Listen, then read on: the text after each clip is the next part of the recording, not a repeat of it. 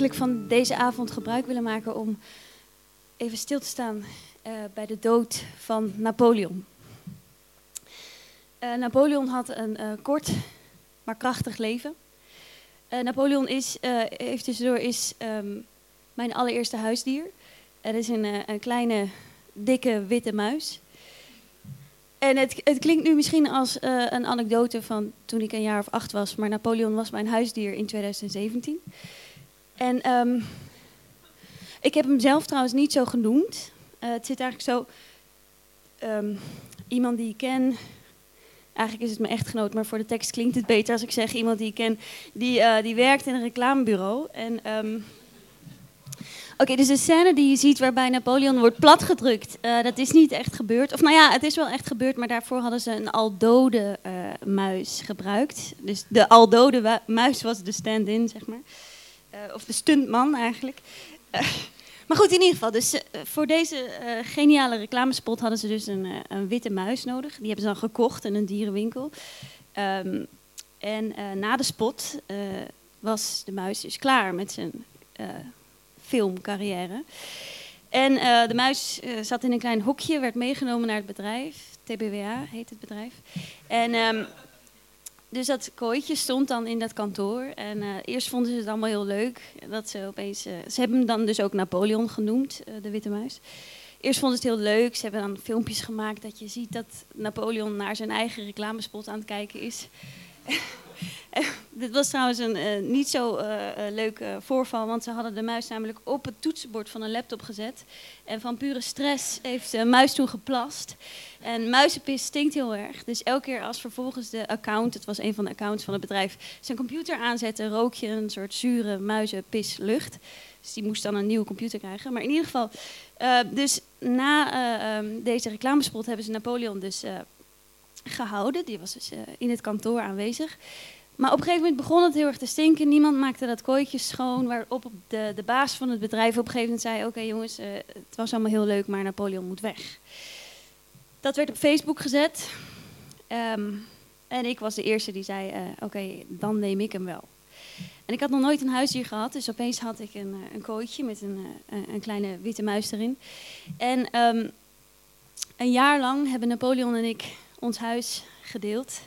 En dat betekende dat ik thuis kwam en een stoel voor de kooi zette en hem kleine uh, zonnebloempitjes aanreikte. Die hij dan met zijn uh, kleine handjes, muizen hebben echt precies een soort kleine handjes.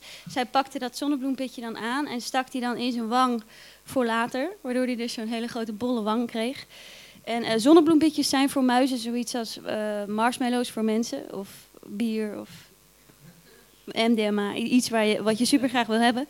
En um, dus hij bewaarde die zonnebloempitjes dan in zijn wangetjes voor later. En uh, super gelukkige momenten hebben we dus samen gehad. En, um, maar wat niemand mij verteld had, ik ben dus heel erg gaan hechten aan uh, Napoleon. Maar wat niemand mij verteld had, was dat uh, muizen gemiddeld anderhalf tot twee jaar oud worden. Dus nadat wij één jaar ons leven hadden gedeeld, legde hij het loodje. Dat betekent dat ik toen een ochtend naar beneden kwam en een klein wit dood muisje zag liggen op zijn rug met zijn pootjes omhoog. En um, ik wist niet zo goed wat ik moest doen. Ik heb toen uh, de muis in een uh, klein kartonnen doosje gedaan, waar voorheen vaatwassertabletjes in hadden gezeten. Um, en ben toen naar een dierenarts gegaan. Ik wist namelijk niet, moet je zoiets in een prullenbak gooien of in een toilet? Dat leek me zo ongepast. Dus ik ben naar een dierenarts gelopen. Gelukkig zat er bij ons om de hoek uh, een dierenarts, dus ik ben daar naartoe gegaan. In de wachtzaal gaan zitten en toen kreeg ik een formulier wat ik moest invullen. Uh, naam van de patiënt, Napoleon. Um, klacht, hij is dood. Uh, en zo zat ik daar met dat kleine doosje, waar dus heel groot vaatwassertabletten op stond, te wachten. En op een gegeven moment werd ik naar binnen geroepen door een uh. En een dierenarts van een jaar of zestig um, zei ja, kom maar hier, uh, leg maar neer. En hij vond het doosje ook helemaal niet gek. Hij maakte het open en um, hij haalde uh, de muis eruit. Besefte dat hij dood was. Pakte een klein wit velletje keukenpapier, legde dat neer en legde de muis erop. En hij sprak ook over de muis als de kleine patiënt. En, en ik stond daar stil. Ik wist nog steeds niet zo goed wat ik moest voelen, wat ik moest denken. Ik dacht, ja, het is ook maar een muis. Er zitten hier mensen met een hond of met een kat in de wachtzaal en ik zit hier met die muis. Maar die dierenarts behandelde me eigenlijk heel serieus. En hij zei, um, ja, leg de kleine patiënt maar neer. Dus hij legde dat neer op dat uh, doekje. En, uh, en toen vroeg ik aan hem, uh, wat, wat, wat moeten we er nu mee doen? En toen zei hij, ik vouw dat papiertje straks dicht en dan leg ik de muis in de koelkast voor de kleine knaagdieren. En één keer per week wordt deze koelkast, als die dus vol zit met allemaal kleine knaagdieren, leeggehaald en die worden dan gezamenlijk verbrand, gecremeerd. Je kunt dan de assen komen halen, moet je straks eventjes je naam en telefoonnummer achterlaten. natuurlijk krijg je dan wel niet alleen de as van Napoleon mee naar huis. er zitten ook wat andere knaagdieren doorheen. Ik begon na te denken over dat je dan een klein potje zou komen halen met daarin wat assen van Napoleon en, en, en stampertje en witje en weet ik veel. ik was erover aan het nadenken, zouden mensen dat echt doen? Blijkbaar wel, want de service bestaat. Het kostte 24 euro. Mensen doen dat dus.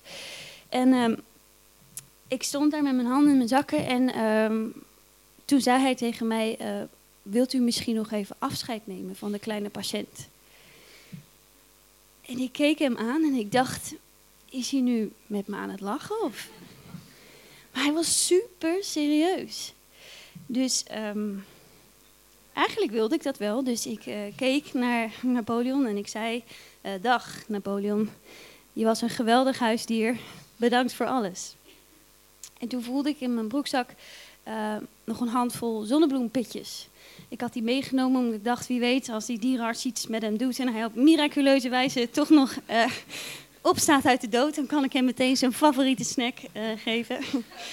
maar hij was echt dood. Um, dus ik voelde die zonnebloempitjes en ik legde die op tafel. Ik dacht er niet echt bij na. En toen gebeurde er iets wat ik ongelooflijk vond. Dit was dus een serieuze arts, dierengeneeskunde gestudeerd, behandeld grote dieren. Dus ik legde die zonnebloempitjes neer. En toen pakte hij die zonnebloempitjes van de tafel en hij legde die heel netjes in een cirkeltje rond die muis. En hij zei toen tegen mij, ik begrijp het. En toen zei hij, zei, ik begrijp het, dat is voor straks, in de muizenhemel.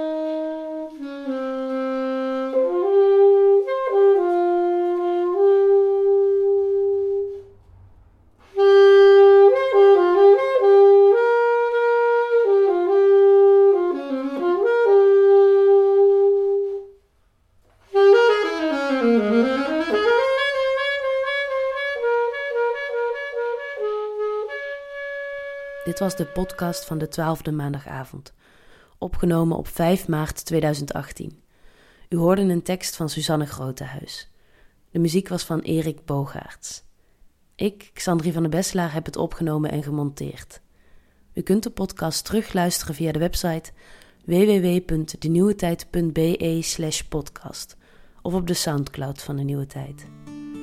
De maandagavond is elke eerste maandag van de maand telkens om 8 uur in de Sint-Paulusstraat 23. De volgende is op 2 april 2018. Meer info vind je op www.denieuwetijd.be. Reacties zijn altijd welkom via info.denieuwetijd.be.